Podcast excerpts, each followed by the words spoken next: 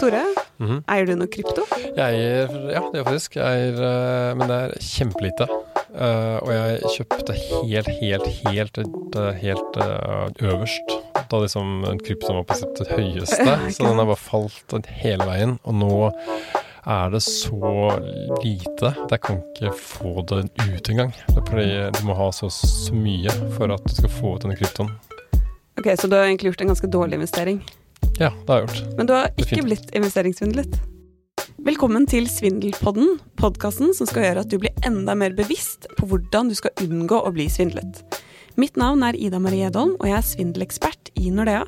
Og med meg så har jeg min gode kollega og nesten-ekspert Tore Lekster Hauge. All right. Dagens gjest er Johanne Andresen. Hun har bakgrunn som etterforsker i Økokrim, og jobber nå i KPMG med svindel, virtuell valuta og antihvitvasking. Og der leder hun et team av fagspesialister i blokkjedeteknologi og kryptovaluta. Wow! Velkommen, Johanne. Tusen takk, det er veldig hyggelig å være her. Vi er skikkelig glad for å ha deg her. Eh, og i dag skal vi jo snakke om investeringssvindel og kryptovaluta. Og vi har jo hatt en episode tidligere mm. hvor vi snakket om investeringssvindel. Men da gikk vi ganske kjapt gjennom måte, hva som skjer i disse sakene. Så i dag så gleder vi oss til å grave oss litt mer ned og skjønne litt mer av hva som skjer, faktisk skjer med denne kryptoinvesteringen som mange blir lurt til å gjøre. Eh, men først, kan ikke du fortelle, for du har jobbet mye med kryptovaluta. Mm. Hvordan ble du interessert i krypto og virtuell valuta? Før jeg svarer på spørsmålet, så må jeg bare følge opp det Tore sa med hans fantastiske investering. Mm. Eh, vet du hvem andre som investerte når bitcoin var på topp? Eh, det er kanskje du? Nei, ikke Nei. meg. Eh, jo, faktisk meg òg, ja. men også ubetydelig. Det var Kjell Inge Røkke som investerte 500 millioner norske kroner i bitcoin. Ja. Det... Den er redusert til ca. en tredjedel i dag. Og eh, apropos investeringer, jeg har også investert litt eh, kryptovaluta. Eh, dessverre så begynte jeg ikke å investere da jeg begynte å jobbe med kryptovaluta, for det var tilbake i 2018. Da var jo prisen eh, veldig lav, og hadde jeg kjørt på med noen hundre tusen da, så hadde jeg nok hatt ganske mange millioner. Men sånn er livet. Eh, jeg, det er jo ikke så rart jeg kanskje ikke investerte tilbake i 2018, fordi da jobba jeg jo i Økokrim. Mm. Eh, jeg ble mm, Vi begynte med et samarbeidsprosjekt med Finanstilsynet i forbindelse med at såkalt tilbydere av virtuell valuta. Det betyr kryptobørser, som vi kjenner til. Eh, F.eks. Firi, Binance, Norwegian Block Exchange osv. osv. ble underlagt hvitvaskingsloven. Og vi ønsket da å egentlig kartlegge hvem er det som egentlig tilbyr vekslingstjenester på det norske markedet. Mm. Og dette var et prosjekt vi hadde sammen med Finanstilsynet. Så det var jo starten på min kryptokarriere. Mm. Syns jo det her var skikkelig spennende. Du får den kombinasjonen av teknologisk kompleksitet, et litt, eh, litt vanskelig juridisk grunnlag, og ikke minst dette å jobbe med det rent operasjonelt. Mm. Så fra å jobbe med, med et, eh, et, egentlig et slags forebyggende prosjekt med Finanstilsynet, så begynte vi å jobbe da med både etterretning, vi drev mye forebygging, og ikke minst etterforskning. Mm. Og med etterforskning så mener jeg da eh, straffesaker som involverer kryptovaluta. Om dette er da svindel, som vi skal snakke mye om i dag. Mm. Det kan være skattesvik, det kan være hvitvasking av utbytte fra en straffbar handling. F.eks. hvis du har solgt mye narkotika, så er det ikke helt uvanlig å ta oppgjør i krypto. Eh, men også ja, skattesvik nevnte jeg kanskje, men også andre typer straffbare forhold som involverer kryptovaluta. For det er et viktig poeng her. Kryptovaluta i seg selv er ikke ulovlig. Mm. Det er hvordan du velger å bruke det som kan i prinsippet være ulovlig. Og da er vi tilbake til f.eks. hvitvasking. Ja. Men det virker som det er ganske mange kriminelle også, da, som bruker krypto for å Ja, vi ser det både i svindel og bedrageri, ja. men også i hvitvasking av penger. Eh, men kan du ikke fortelle litt sånn kort hva er ja, jeg også, egentlig Ja, for jeg er også keen på å høre det. Altså, Da kan vi gjerne sitte her noen timer, men jeg kan prøve å gjøre det veldig enkelt. Ja, Vær så snill, gjør det veldig enkelt. veldig enkelt. Eh, vi må skille mellom kryptovalutaen og den underliggende teknologien som er blokkjeden. Mm. Blokkjeden er Hvis du googler blokkjede, så står det 'desentralisert eh, betalingsinfrastruktur', eh, hvor, eh, hvor en, en, regnskapsbok er kontinuerlig oppdatert til enhver tid, og alle kan se alle transaksjoner. Det er derfor vi sier at det er offentlig tilgjengelig informasjon, men vi vet jo ikke hvem som står bak transaksjonene. Oppå blokkjeden så har du da en valuta, og det er f.eks. bitcoin, Ethereum, Solana osv. videre Og, så og det er jo dette, dette betalingsmiddelet her som er særlig egna for kriminalitet. Nettopp fordi at hvem som helst kan opprette en konto hvor som helst i hele verden.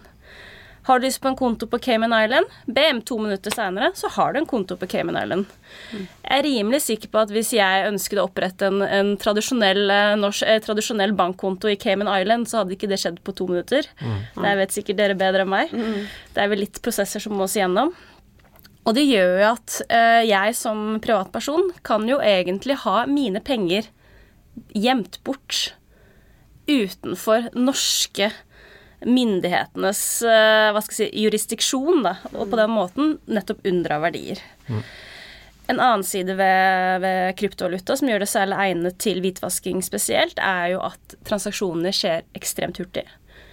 Ikke at jeg har en million liggende, men hadde jeg hatt en million liggende, så kunne jeg overført det på under to sekunder til hvem som helst. Ja. Ja. Og det tredje er jo Selv om transaksjonene er tilgjengelige på blokkjeden, det vil si, det vi kan se er egentlig kontonumrene, eller hva vi kaller wallet, wallet-adresser.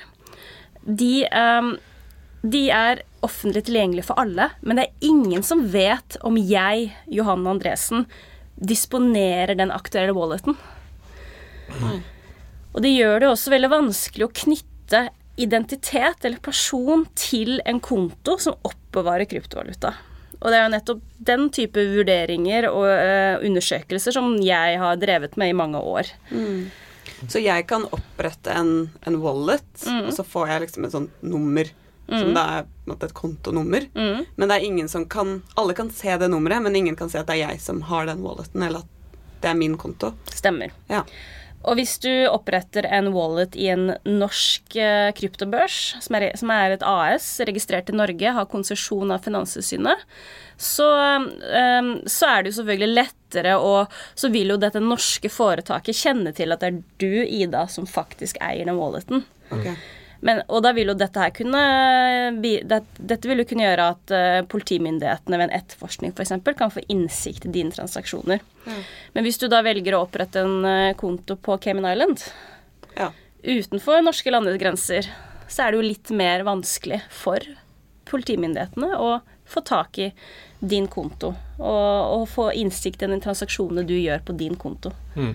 Jeg hører, jeg, jeg hører, at du har jobbet i Økokrim, det merker jeg med en gang. liksom, jeg spør hva er, hva er krypto, og så er vi, nå er vi langt inn i liksom hvitvasking og uh, Cayman Islands. Ja. Men bare så det er sagt, mm. de aller fleste som eier kryptovaluta, er ikke kriminelle. Nei. Mm. Statistisk sett så lurer jeg på om det er uh, Chainalysis, som er verdens største blokkjedeanalyseselskap, som vi samarbeider mye med har vel gjort en undersøkelse og avdekket ca. 2% av alle transaksjoner. Mm. så det er jo 98 legitime transaksjoner. Mm. Mm. Men i dag så skal vi snakke om de ikke så legitime transaksjonene. ja, det er så gøy. Vi skal snakke om investeringssvindel. Jeg skjønner at du har jobbet med mange saker da du jobbet i Økokrim mm. som gikk på investeringssvindel. Så kan ikke du ta oss gjennom hva er det som skjer vi har jo tidligere snakket om at det er ulike faser i en investeringsvindel. Mm. Så hvordan pleier dette å starte som oftest? Um, jeg vet ikke om dere har lagt merke til uh, når det har vært, vært på internett, f.eks. vg.no eller på YouTube, så kan det dukke opp annonser. Typisk 'Kristoffer Hiu har tjent seg søkkrik mm. på krypto'. Ja. Uh, skremmer vettet av bankene. Mm. Skremmer det vettet av bankene? Ja Det skremmer jo vettet av oss hvis folk faktisk ja, blir svindlet. Og det som skjer i praksis da, eller en annen historie, var jo at jeg gikk inn på YouTube for å se på, søke opp en eller annen video, jeg husker ikke hva, mm. og det første jeg fikk, var en reklame om eh, NRK-redaksjonen. Ja. Og det var virkelig nyhetsankerne som sto og snakka om denne fantastiske eh, investeringen som alle burde være en del av, nettopp fordi det kommer til å gi så stor avkastning. Og det var, var ikke så lett å se at det her var falsk. Mm. Og hvis man kanskje ikke har helt de kritiske brillene på, mm. så, det, så, så, vil jo det at det knyttes mot NRK, legitimere business-casen til svindlerne. Var, men, men var, det, var, det, en deepfake av ansiktene deres? Og stemmene.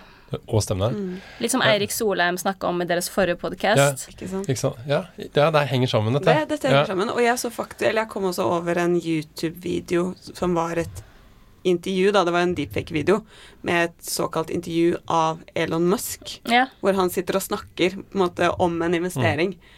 Og det virker jo også veldig ekte når det på en måte er i en sånn intervjusetting, og han bare sitter og forteller om dette.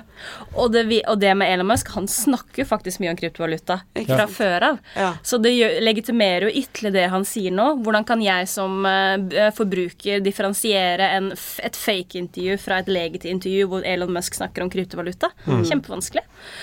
Eh, nå roter vi oss ned i, videre, men eh, poenget er bare at når du ser en sånn type annonse, om det er en, et bilde på VG eller om det er en, en videoreklame eh, for en YouTube-video, YouTube så trykker du på den, og da burde du ført over til eller annet, en eller annen profesjonelt utformet hjemmeside knytta til et eller annet selskapsnavn.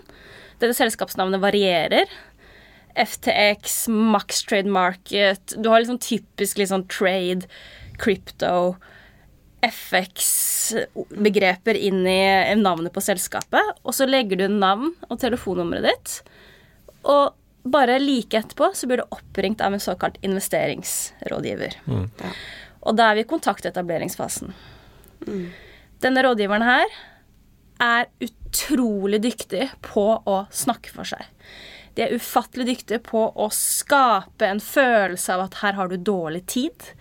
Hvis ikke du investerer nå med en gang, så taper du masse penger. Og, det, og, i tillegg så klarer de å skape en sånn underliggende tillit til sin potensielle offer, eller investor. Og på et eller annet tidspunkt så klarer de å forlede dem til å faktisk gjennomføre en slik investering. Ja. Og bare så det er sagt, det er en del der ute som går og tenker er det mulig å være så dum? Men vet du hva? Alle kan bli utsatt for denne type investeringsbedragerier. Mm. Ja. De er så dyktige på sosial manipulasjon at Og det her er ikke forbeholdt pensjonister. Dette er også alle, både kvinner, menn, alle samfunnslag, alle utdannelsesnivåer mm. og alle aldre. Mm. Jeg mener hvis Kristoffer Kivju uh, sier at han har tjent masse penger på krypto, så appellerer det. Ja, det gjør det. Vi er tilbake med at annonsen tilpasser seg alderen og om du er kvinne eller mann mm. også. Ja, for jeg har også faktisk sett en annonse med Sofie Elise. Har du det? Hvor hun angivelig sitter på God morgen Norge, eller et bilde da, hvor hun sitter på et ja. intervju på God morgen Norge og snakker om en investering. Og det er jo da typisk mot kanskje litt yngre personer. Mm. Så Altså 17 år gamle Johanne kunne fort gått fem på her. jeg, jeg, kjenner det. Altså, jeg har jobba med det her i mange år, og det, her, det er utrolig bra lagd. Ja. Så skal ikke jeg stå her og hylle svindlerne for deres uh, business case her, men det er utrolig proft, og det blir bare proffere og proffere. Men er det noe man kan tenke på allerede i den liksom, første kontaktfasen, da? Eh, for det er jo der man bør stoppe det, mm. før man begynner med selve investeringen. Mm. Du snakker om disse hjemmesidene som ser veldig bra ut. Er det noen ting man kan se etter, f.eks., på de sidene? For det første, hvis noen ringer deg og har lyst til å sørge for at du skal tjene veldig veldig mye penger på veldig kort tid, så er det i seg selv veldig rart. Ja. En klassiker. En klassiker. Ja. Det er liksom første rødt flagg. Mm. Når dere, er, når dere er inne på en hjemmeside og dere ser selskapsnavn, søk på det selskapsnavnet. Mm. For det, det, dere ser da, hvis dere søker på f.eks. Uh, eh, Max Trade Market, bare for å ta et tilfeldig svindelside, så vil dere få opp uh, flere sånne scammers alerts, f.eks. Okay. Uh, dere vil også, Hvis dere går inn på YouTube, så er det flere YouTube-kanaler som har sånne svindelentusiaster som har ett formål med kanalen, og det er å avsløre svindlerne. Mm. Da vil dere finne videoer om Max Trade Market. Les kommentarfeltet. Kan du se alle som har blitt svindlet. Og ikke minst, gå inn på hjemmesiden. Gå i detaljene. Når det står om oss på Max Trade Market sin hjemmeside, hvem er det egentlig? Er det noe mm. informasjon om hvem som står bak? Stort sett aldri. Det er alltid sånn generisk contact alfakrøll maxtrademarket.com. Se på bildene av personene. Ser det ekte ut? Husk at vi har jo AI-genererte bilder også. Du må jo ikke engang bruke ekte bilder. Eh, og i det tredje står det en adresse. Søk opp den adressen. Ja. Tar du Max Trade Market som eksempel, så ser du at adressen er en studentbolig i eh, London. Mm. Så gjør en del undersøkelser før man faktisk går videre med investeringen. Mm. Eh, Det er kanskje det beste tipset da for å, Ja. for å på en måte ikke bli fanget inn i dette nettet som vi skal snakke mer Ja. om etterpå. Selv om det er Tufilisse. Ja, selv om det er vilt.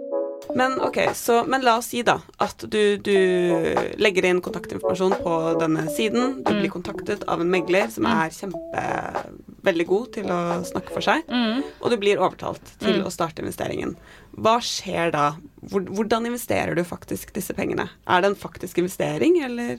Det som skjer i praksis, er at uh, denne Jeg, jeg kaller nå investoren uh, som soon to be offer, men uh, de må jo da opprette en wallet hos en kryptovalutavekslingstjeneste. Det veldig mange svindlerne er fan av, er utenlandske vekslingstjenester. Ok. Og de velger da gjerne vekslingstjenester i utlandet, så, eller etablert i utlandet, som er uh, ikke så opptatt av hvitvasking nødvendigvis. Nei. Eh, I mange tilfeller så er det en del av disse investorene som har problemer med å opprette en konto. Og da sier svindlerne ikke noe problem, jeg kan hjelpe deg. Det de gjør da, er at de sender en forespørsel om, eh, om fjernstyring av PC-en din. Typisk, eh, typisk TeamViewer eller An- Anydesk, hvis dere har hørt om det. Ja.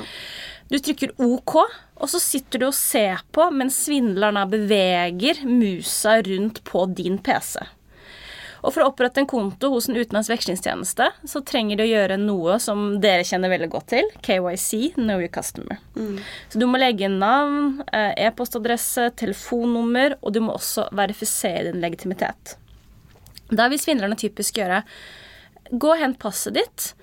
Holde opp passet ditt foran, uh, foran ansiktet ditt, og så skal jeg ta, og, og ta et bilde av det. Oi. Det som egentlig skjer i praksis, er at du også blir ID-misbrukt. For da sitter svindlerne med full informasjon om hvem du er, hvor du bor, hvordan du kontakter deg, og de har bilde av passet ditt. Så det er ikke utenkelig at din, eh, at din ID blir brukt til å opprette kontor andre steder også. Ja. ikke sant.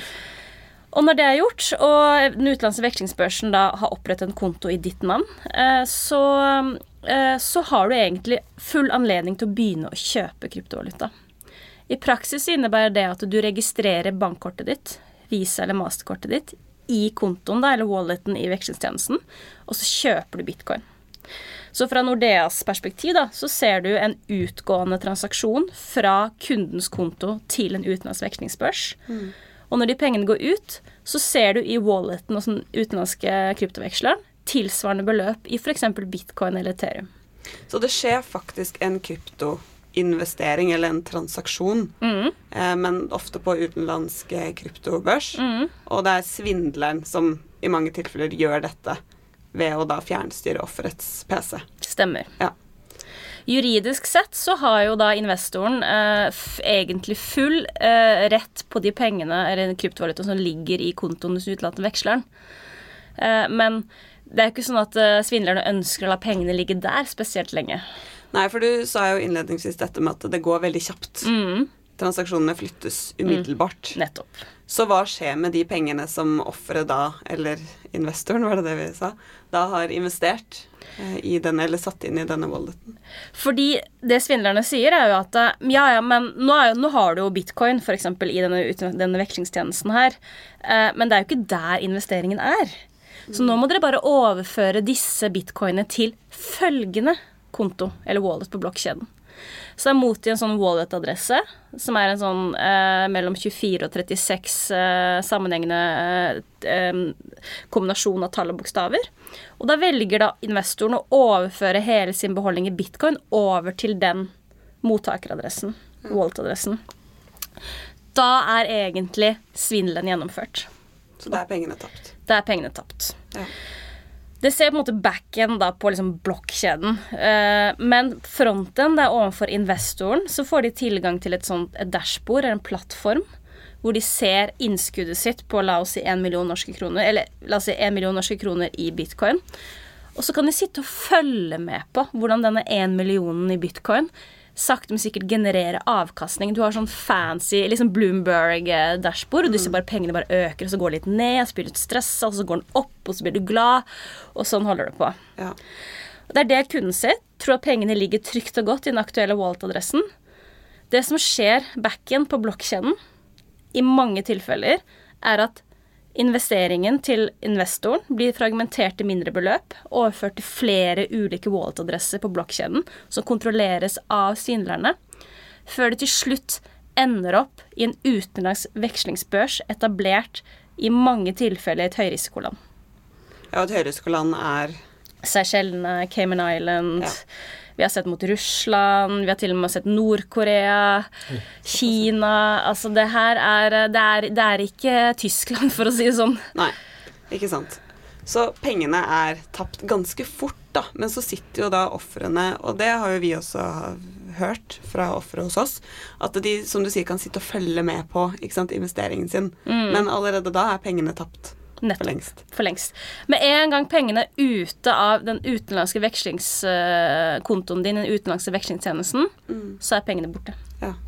Og det er nettopp det som er så vanskelig med, med blokkjeden, er jo at ja, det er ikke noe problem for meg å spore pengene og følge hvor pengene går, men jeg får jo ikke tilgang til dem. Nei.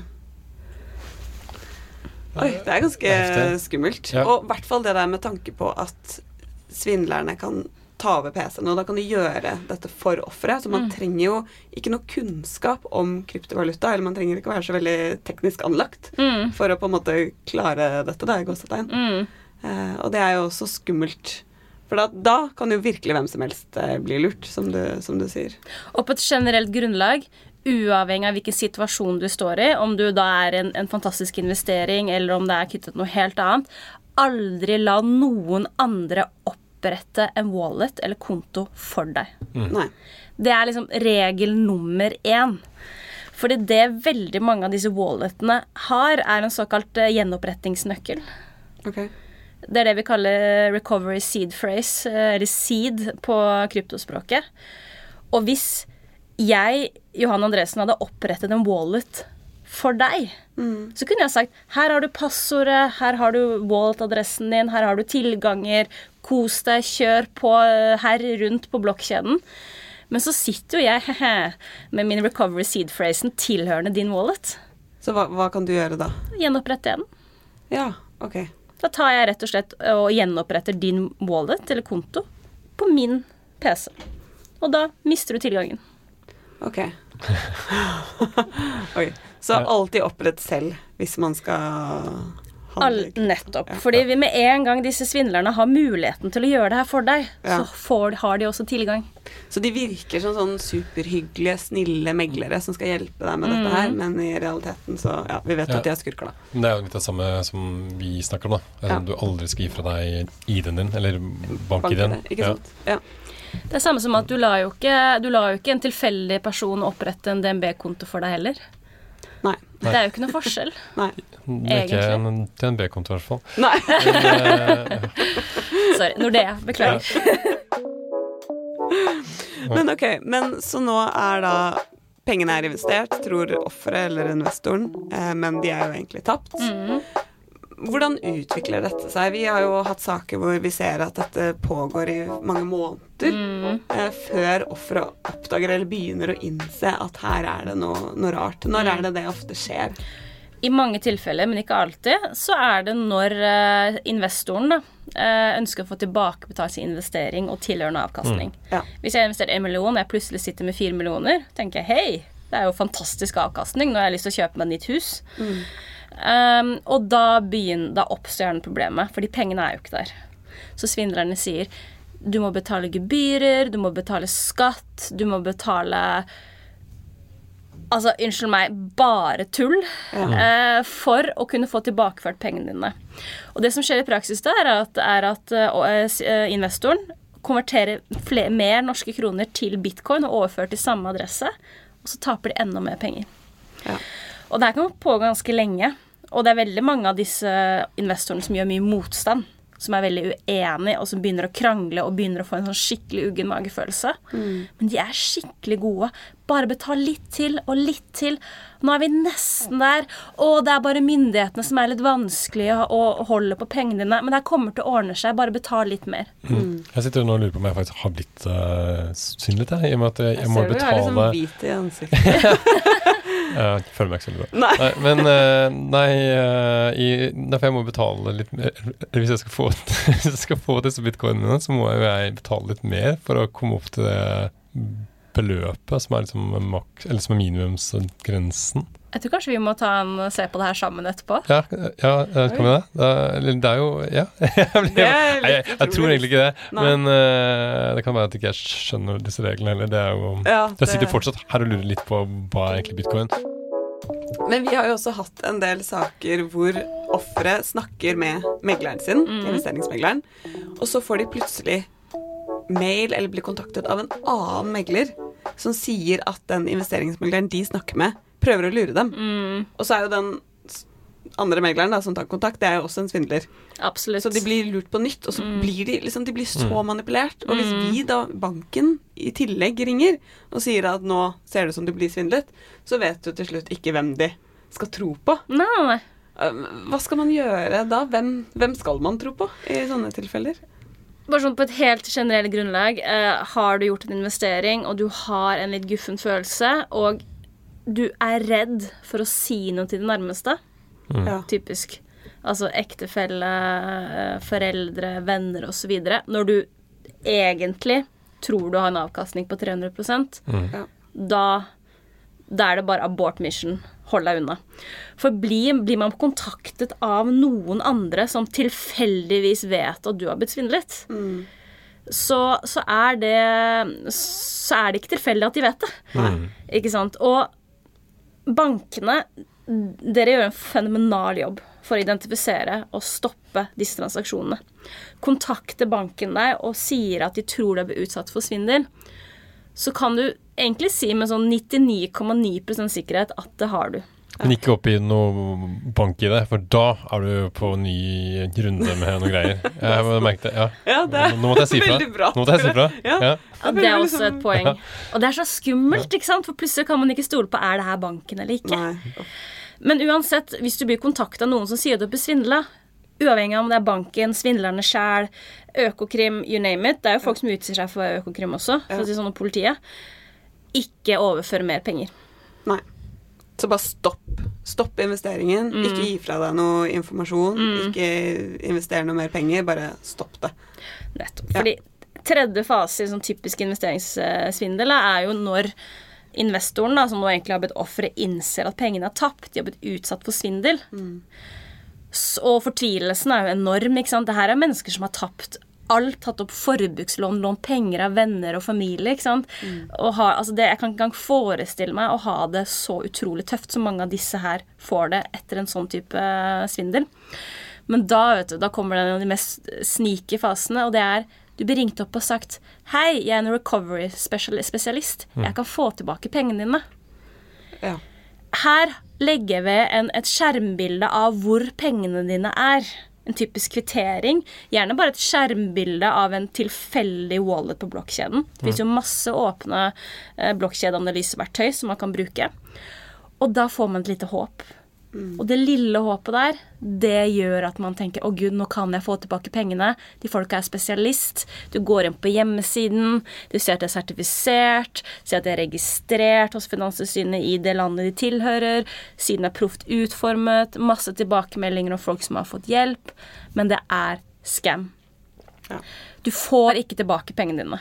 Det skal så ekstremt mye tid at du i hvert fall ikke skal betale for det. Nei. Og, det, litt, og det, det, kanskje det viktigste er at det de typisk gjør da, du må bare betale x antall tusen up front, og så begynner vi å gjøre undersøkelsene våre. Mm. Okay. Og det Så du skal betale for at de skal begynne å gjøre undersøkelser? Nettopp. Ja. Og det er typisk sånn eh, du betaler litt, og så får du litt med dokumentasjon, noen fancy grafer som sporer pengene, og så må du betale litt mer, og sånn holder du på. Så da blir du lurt på nytt, rett og slett, for yes. enda mer penger. Mm. Åh, det er jo utrolig tragisk. Mm. Og disse sakene er jo ofte snakk om ganske store beløp også. Mm. Som du sier, folk tar opp forbrukslån, låner mer penger. Eh, så det kan jo være beløp på flere millioner kroner mm. som til slutt går tapt. Mm. Og som du også sa innledningsvis, at dette er mennesker i eh, alle aldre med høy utdanning, mm. mange, og som kanskje har også god kunnskap om investeringer da, fra mm. før av, men ikke like god kunnskap i kryptovaluta. Så har du, som, som også har vært snakka om tidligere, deepfake-videoer. Plutselig kan du snakke med rådgiveren din. Ja.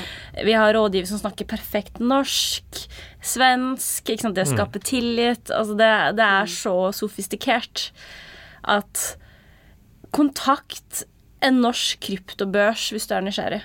Ja. Gå på mm. Finanstilsynets hjemmesider, virksomhetsregisteret Se hvilken, eh, hvilken, eh, foretak er det som er registrert hos Norsk Finanstilsynet. Kontakt de hvis dere ønsker å investere i kryptovaluta. Ikke la dere høre på tilfeldige mennesker dere ikke vet hvem er. Mm. Eh, hjelpe deg. Mm. Okay, det er gode tips. Ja. Men du har jo bakgrunn i politiet mm. og i Økokrim. Og vi har jo hatt kunder som har blitt utsatt for investeringssvindel, og så anmelder de til politiet. Mm. Og så dagen etter så får de beskjed om at saken er henlagt. Mm. Hva kan egentlig politiet gjøre med, med disse sakene? Har dere blitt utsatt for et investeringsbedrageri eller et forsøk på investeringsbedrageri, selv om da svindleren ikke lykkes, anmeld alltid til politiet. Mm. For vi må, vi må, ikke glemme at politiet er en del av et internasjonalt nettverk. Interpol, Europol, Eurojust osv. Og, og hvis dere går inn på Eurojust sine hjemmesider, så ser dere at det er store internasjonale aksjoner mot disse investeringsbedragerisentrene. Ja, For dette er sånne store callsentre i utlandet? Ofte. Stemmer. Ofte. Det er typisk eh, riggen her, da, bare sånn helt overordnet, er at du har sånne callsenter for hire. Mm. Et slags hylleselskap på callsenter-nivå, hvor du har Her har du bygningen, her har du infrastrukturen, her har du telefoner og PC-er og hjemmesider og alt. Så betaler bakmennene ganske betydelig beløp for å få tilgang til dette callsenteret med da tilhørende ansatte. Nå gjør jeg mm. sånn Hermetegn. Hermetegn ja. ja. Uh, de er jo faktisk ansatte, da, men uh, Eh, og så begynner de å egentlig å utforme disse profesjonelle hjemmesidene, og så begynner de å ringe. Og det er det de gjør. De ringer hele dagen, de sender e-poster hele dagen, de kommuniserer på WhatsApp hele dagen. Mm. Og det er gjerne etablert i ett land, og så er gjerne bakmenn etablert i et annet land, og så hvitvaskes pengene i et tredje land. Så når du anmelder at du har blitt utsatt for investeringsbedrageri til politiet, så er dette informasjon som brukes internasjonalt. Selv om saken blir henlagt, eller mm. selv om du får beskjed om at saken blir henlagt. Nettopp. Okay. Mm. Den informasjonsflyten her er jo nettopp fordi at denne type grenseoverskridende kriminalitet forutsetter jo at myndighetene må samarbeide på tvers. Mm. Og for at de skal helt være klar over at det er et callsenter som uh, opererer under det navnet, eksisterer, så er vi avhengig av at politiet vet om dette her. Mm. Og det er jo typisk anmeldelser, og det er også det mistenkelige MT-meldinger som bankene sender også, når de mistenker at noen er utsatt for svindel. Ja, for vi sender jo da meldinger til Økokrim mm. hvis vi ser uh, ja, mistenker. Så det her har en verdi, selv om det kanskje ikke føles sånn ut. Mm. Og det er en del saker som blir henlagt nettopp fordi det er krevende å få tilbake pengene, og det er veldig krevende å identifisere og lokalisere gjerningspersonen som står bak. Ja. De legger ikke igjen lokasjonsdata, IP-adresser osv. Men det er jo godt å høre at uh, politiet i Norge samarbeider da, med, med som du sa, Eurojust, mm. Interpol, Europol osv. Så, så Men ja, nei, jeg, jeg skjønner at det er vanskelig, og jeg har jo gjort veldig mange av disse sporingene, så jeg kan jo spore hvor pengene ender opp på blokkjeden. Og når de pengene ender opp i Kina f.eks., eller Seychellene, så er det en måte begrensa hva man kan gjøre for å få tak i de pengene. Ja, ikke sant. På samme måte at hvis eh, La oss si hvis tyske myndigheter mistenkte meg, Johan Andresen, for å ha gjort noe galt, og all, alt mitt utbytte lå oppbevart i en norsk bankkonto, mm. så kan jo ikke tyske myndigheter bare gå inn og ta pengene mine i en norsk bankkonto. Mm. Det er en ganske omfattende prosess for å kunne utøve et maktmiddel mot en, en annen statsborger. Mm. Men disse kryptobørsene i utlandet, hvorfor får de lov til å operere som de gjør? en del av disse kryptobørsene i utlandet eh, Noen av de Jeg husker det er mange legitime her som prøver så godt de kan å, å gjøre en god jobb og etterleve og stoppe hvitvasking, men så er det noen hva skal jeg si, eh, råtne epler i eh, kurven. Mm. Um, og disse råtne epler i kurven-børsene, for å si det på den måten, eh, de tilrettelegger for hvitvasking.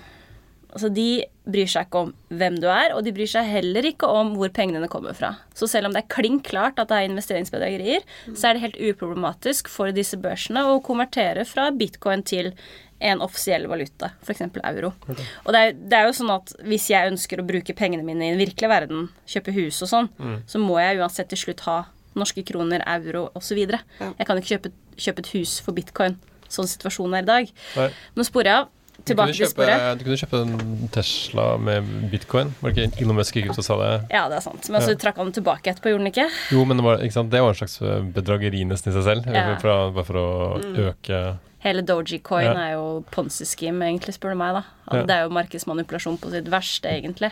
De har jo sittet på gutterommet og bare drukket konjakk eller hva det er for noe, og sagt I morgen tweeter jeg om Doji-coin, og det kommer til å gå opp 5000% og så sitter alle disse rike folka og bare investerer masse i. Doji-coin.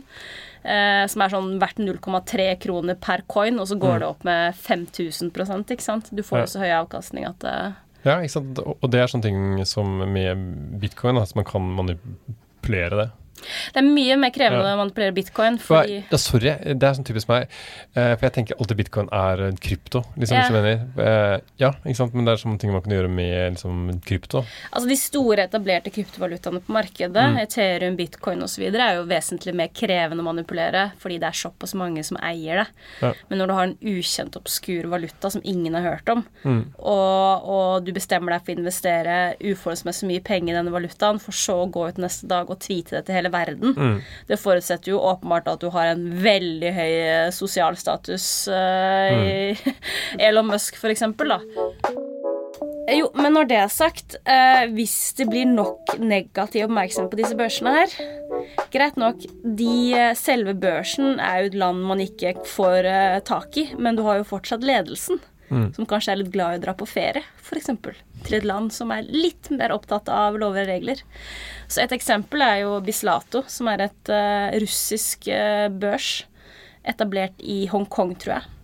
Og da bestemte jo uh, grunnleggeren og CEO-en og hele ledelsen for å dra på ferie til Miami. Og istedenfor å nyte en piña colada på stranda i Miami, så var det rett i varetekt. Nei og nei. Og han er vel tiltalt for hvitvasking på 700 millioner dollar, eller jeg husker ikke, men ja. Eh, det blir nok eh, mer enn ett års fengsel på han, vil jeg tro. Ja. Så kan det gå. For å ja. ville ta seg en liten ferie. Ja. og poenget her er at uh, på et eller annet tidspunkt så vil jo denne her type tjeneste få større og større problemer med å operere sånn som det har gjort. Ja. Så det er håp, ja, er, er poenget mitt. Ja, det er godt å høre. Men ok, eh, det er jo veldig mange forskjellige sånne kryptoer, eh, hvis det er riktig måte å bruke det, på. Eh, hva er din favoritt-krypto? Vet du hva, Det er et spørsmål jeg absolutt ikke kan svare på. Mm. Det jeg kan si om det, og det handler ikke om mine preferanser, det handler bare om en sånn generell betraktning av de ulike kryptovalutaene som er der ute, mm. er jo at teknologien, altså hvordan man utvikler en kryptovaluta, er offentlig tilgjengelig informasjon. Så hvem som helst kan utvikle en blokkjede og en kryptovaluta tilhørende blokkjeden. Eh, dere kan lage Nordea-coin hvis dere vil. Det må være ganske tech-savvy for å få til det, men ikke noe problem. Eller krevende, men det går. Og det i praksis innebærer det at det er en del aktører der ute som utvikler nye virtuelle valutaer med ett formål, og det er å begå et scam. De utvikler eh, en coin. Eh, nå kommer jeg ikke på noen konkrete eksempler. De bruker mye penger De investerer en ganske høy eh, andel av coinsa selv, som da er verdt 0,001 kroner. ikke sant? Bruker vanvittig mye tid på å markedsføre den denne aktuelle valutaen. Eh, på den måten får de jo flere og flere investorer. Og når prisen har gått opp med 10 000-gangeren, så dumper de hele sin beholdning. De selger den, tjener sinnssykt mye penger og hele kursen krasjer. Og dette er jo litt mer sånn For å finne disse obskure coinsa, så er, skal det jo litt til. Altså, du må jo ganske dypt ned i nettet og vite litt hva du driver mm. med. Men så har du denne uh, coinen uh, Vet du hva, jeg er litt usikker på om å si doji-coin eller doi Altså, det er den hunden, denne ja. som ser litt rar ut på bildet. Det er sånn meme-coin, da. Ja, jeg, altså, jeg, kan heller ikke hjelpe deg med, for jeg uttaler det på akkurat samme måte som deg. På Doge. veldig mange forskjellige måter. ja. Vi kaller det, det er en hund, da. En ja. meme-coin basert mm. på en hund. Eh, og plutselig så begynte jo Elon Musk å tweete om at du kunne kjøpe en Tesla for denne obskure coinen. Og hva skjer da? Prisen går jo opp til himmels. Og nå, nå, kjenner jo ikke jeg de bakenforliggende årsakene her, men jeg, jeg, kan nok se for meg at Elon Musk eide en ganske stor prosent av de coinsa før han valgte å tweete om det. Så man skal være litt obs på at mm. sånn type markedsføring av litt mindre kjente coins, eller egentlig generelt kryptovaluta, mm. bare vær litt obs. Fordi det er en del misvisende informasjon her. Men hva skal man gjøre da hvis man har lyst til å investere i kryptovaluta? Hvordan Kontakt en, en norsk etablert børs. Okay. Fire Norwegian Block Exchange, Kaupang f.eks. De har konsesjon av Finanstilsynet. Finanstilsynet ut, uh, utfører tilsyn hos de. Uh, de etterlever regler, de har transparent, ikke sant. Mm. Eh, invester der, og ha pengene dine der. Og, og opprett walleten selv. Absolutt. Og bare sørg for at dere finner riktig børs, og ikke en som ligner på en. Ok, men uh, det, da syns jeg vi uh, Men ikke sant, når du har sagt dette, jeg kanskje bare skulle tatt en bitte liten kikk på min lille bitcoin-wallet. Det tror jeg kanskje jeg skal gjøre. Ja, og sånn, Se at jeg ikke har blitt syndet. Nå går jeg inn her. Uh, og jeg er skikkelig spent, faktisk. uh, ja, er, Hvilken, hvilken er, tjeneste er det? Uh, ikke sant. Nei, jeg tror det er en bitcoin.com. Jeg åpner den her, så kan du få lov til å kose deg med den. Ikke le, for det er så lite. Jeg ville bare, jeg ville bare se hvordan det funka. Tapet ditt er i det minste ubetydelig, da. Det skal sies. ja, ja, ja. Og det er det folk pleier å si når de, når de ser på mine investeringer, selv om det har gått ekstremt ræva. Uh, nei, altså Det morsomme er at nå sitter jeg med din telefon og din wallet, så da kunne jeg i prinsippet overført alt til meg selv. Nei og nei. Ja, ja, ikke sant? Så jeg, nei, nei, nei, jeg tok jo en råsjanse, da. Jeg vet jeg sitter ved siden av en svindelekspert og en kryptoekspert, men ja. Cool. Jeg har, eh, altså Det her ser helt kurant ut for meg. Eh, jeg er ganske sikker på at du kan eh, Altså Det som er med den walleten her, nå har ikke jeg gått inn i den, er at den er en såkalt non-custodial wallet. Det vil si at du kan ikke med denne type løsningen veksle til offisiell valuta. Okay. Så du må overføre til en vekslingsbørs. Ja. Og så kan du konvertere til norske kroner. Så jeg kommer Du kommer aldri til å få ut pengene. få det ut. Selv jeg kommer til å bli frustrerende etter hvert, så jeg setter dritmye, men jeg skjønner ikke hva jeg skal få det ut. Ja, men det er ikke noe stress. Det er bare å trykke Her har du en knapp som heter send. Ja. Og så må du skrive opp wallet-adressen uh, i, i, eh, den walleten som, uh, som ja. du har hos en kryptobørs. Jeg har ikke noe Men ikke sant, nå er jeg ute og kjører, Fordi nå kan det tenkes at jeg oppretter en wallet hos et eller annet uh, shady Cayman Island-greie. Nei, nei, nei, men du må igjen Husker du hva jeg sa? finansesyn.no, Ja, ja. Virksomhetsregisteret. Hvilken tilbyder har konsesjon? Ja og bruke en av de. Ja, for det, det kan Ja, Kate, men det skal jeg gjøre. Takk skal du ha. Jeg kan jeg snill få tilbake den nå, før du yeah. Ja, men det er kjempebra. Og uh, det jeg kom på nå, er at uh, krona er så svak, ikke sant, siden jeg uh, investerte dette for en god stund siden. Så jeg, kanskje jeg til og med får avkastning. Ja, det, der er et par-tre øl på byen. Ja. Oi. Oi. Oi. Ikke røp uh, hvor mye penger jeg sitter med. Kom an på hvilken bar du drar på. ja, ikke sant. Men siste setning aldri invester mer penger enn du er villig til å tape. Mm. Det er gode ord. Det, det er godt råd. Ja. Takk for at du hørte på. Hvis du har lyst til å høre mer fra Svindelpodden, så kan du gå inn og abonnere, så du får beskjed om når neste episode slippes. Og del gjerne med venner eller bekjente som du tenker kan ha nytte av å høre på dette. Du har hørt på Svindelpodden, en podkast fra Nordea.